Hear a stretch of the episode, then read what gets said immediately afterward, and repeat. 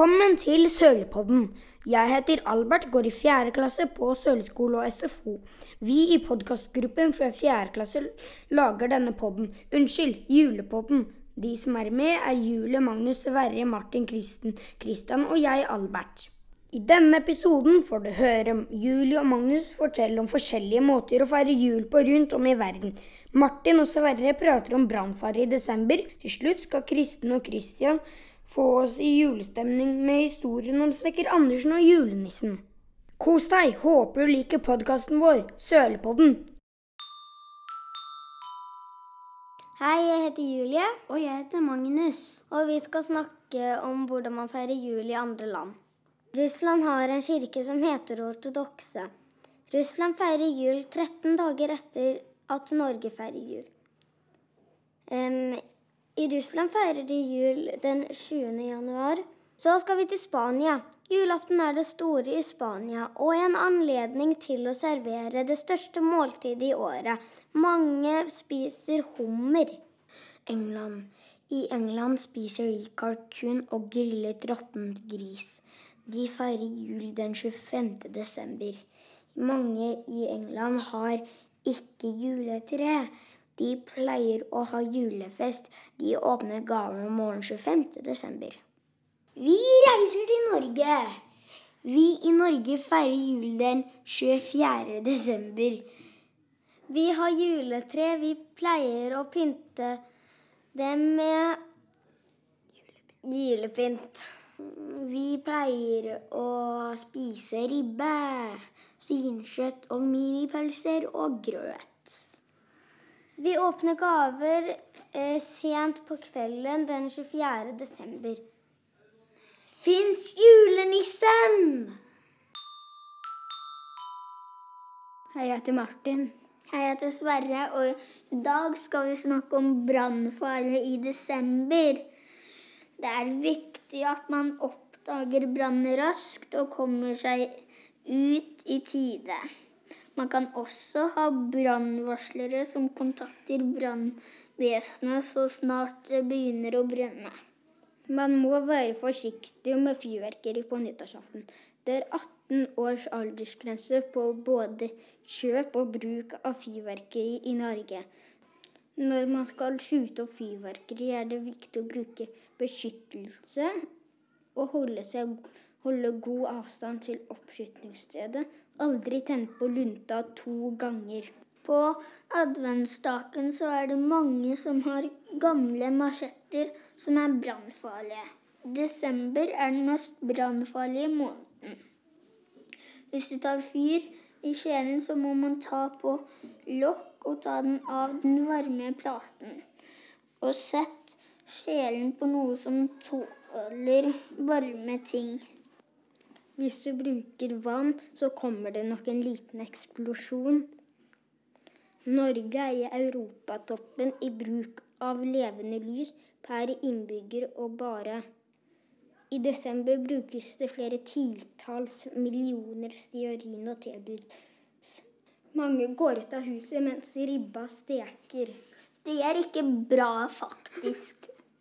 Dersom det begynner å brenne i huset ditt, ring 110. Jul!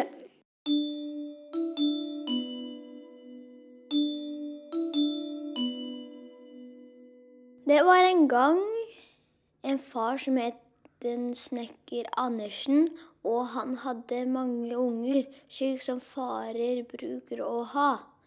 Og så var det en julekveld at han lista seg ut mens ungene og fru snekker Andersen satt og knekte nøtter. Han skulle ned i vedskjulen sitt, for der hang en juledrakt.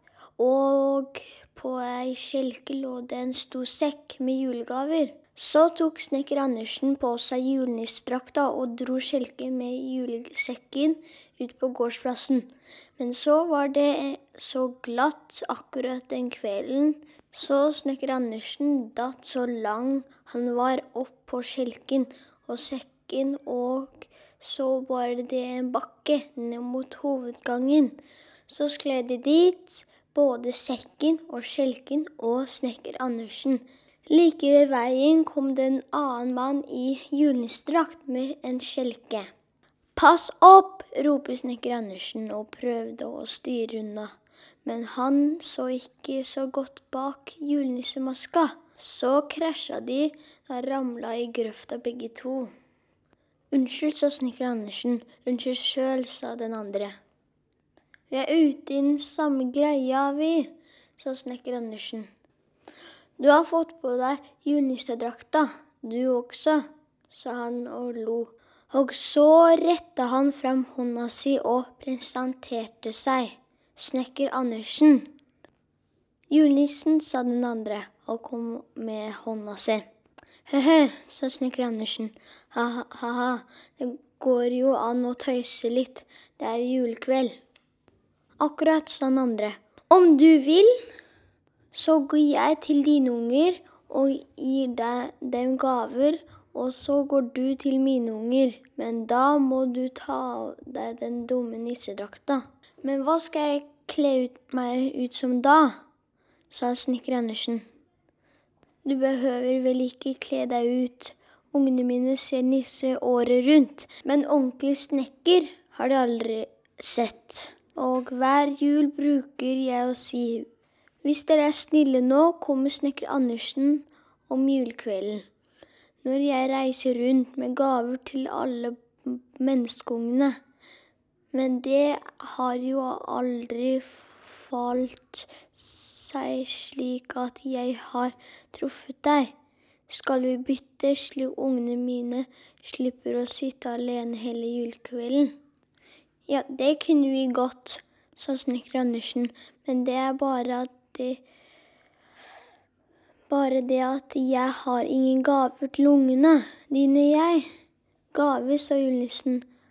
Er ikke du snekker, da? Jo, sa Anne Andersen. Da kan du bare ta med deg noen plankebiter og noen sp små spiker, og så har du kanskje en kniv. Jo da, snekker Andersen hadde kniv og han fant plankebiter og småspiker i vedskjulen. Nå kan du bare gå inn i fotsporene mine, innover i skauen, sa nissen. Så tar jeg skjelken og sekken din og ringer på du bor i andre etasje, du vel? Ja, sa snekker Andersen. Og så gikk nissen opp til snekker Anders huset. Og snekker Andersen gikk innover i skauen, der nissene hadde gått. Han behøvde ikke å gå så langt, det var bare forbi to graner og en stein og en stubbe, og bak stubben stakk det opp tre små toppluer. Nå kommer han, nå kommer han, roper nisseungene og fløy forveien mot en vindfelt tre og lo ned med roten i vers og da Andersen kom på den andre siden av roten, sto nissekona og venta. Nå kommer han, nå kommer han, mor. Nå kommer snekker Andersen. Se på, er han ikke lang?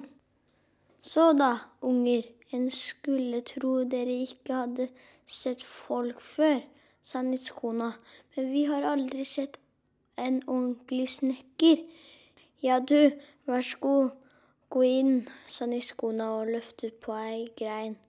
Og Andersen bøyde den lange ryggen sin og smaug under greina. Og så sto han i ei liten stue med steingulv og stubestoler og moseseng, med tepper av tyttebær.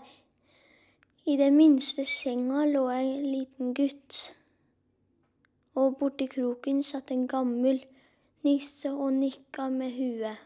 Har du med kniv? har du med plankebiter og småspiker. Gnålet nisseungene og haltet og dro i snekker Andersen. Så da, så da, da Andersen. Må få lov å komme innenfor døra før dere begynner å mase, sa nissekona. Sett deg da, Andersen. Er det fremmednisse her? peip den gamle nissen i kroken.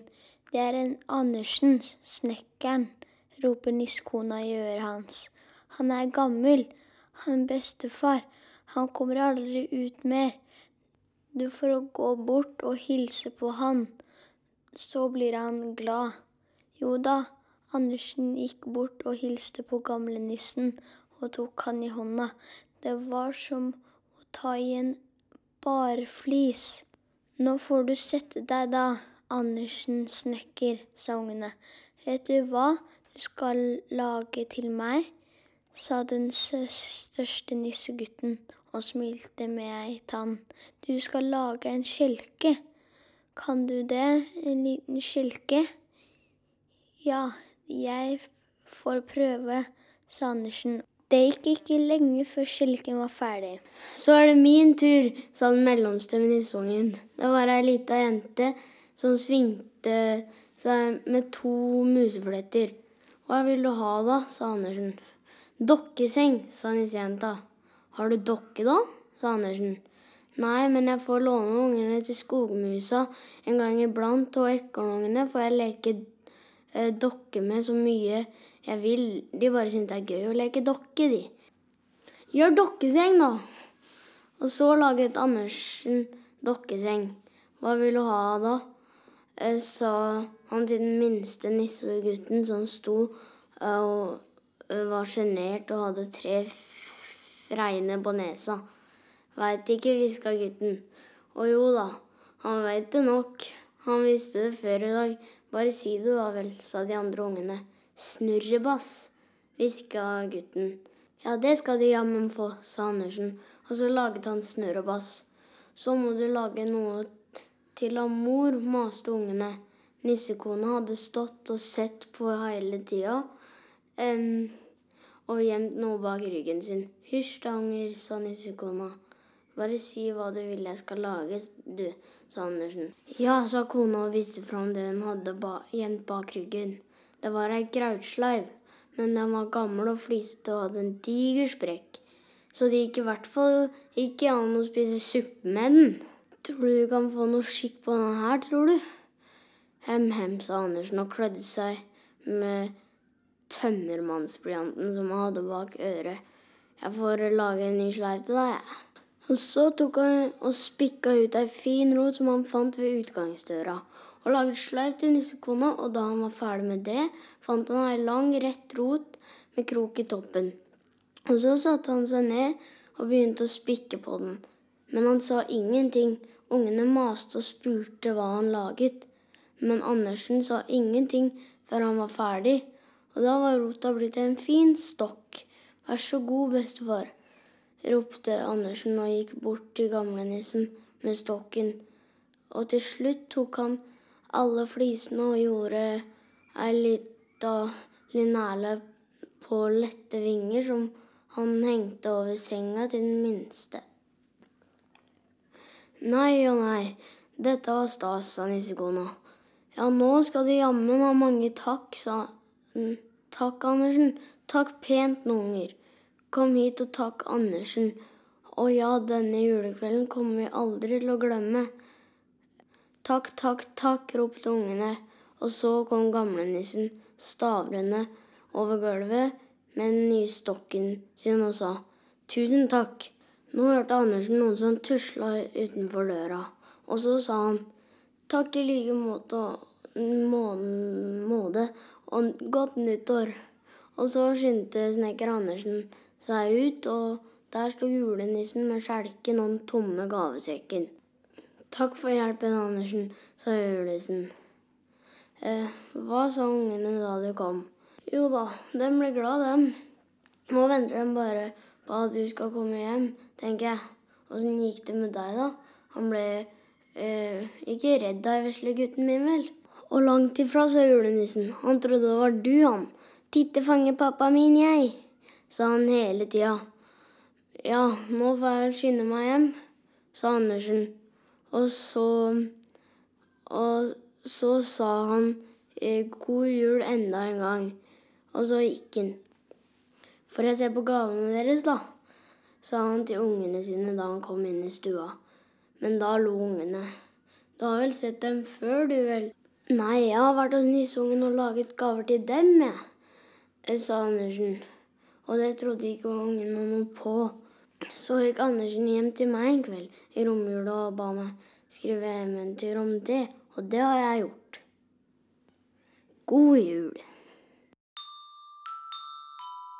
Da er vi gjennom hele episoden. Tredje episode av Sølepodden. Håper vi høres i januar. God jul og godt nytt år!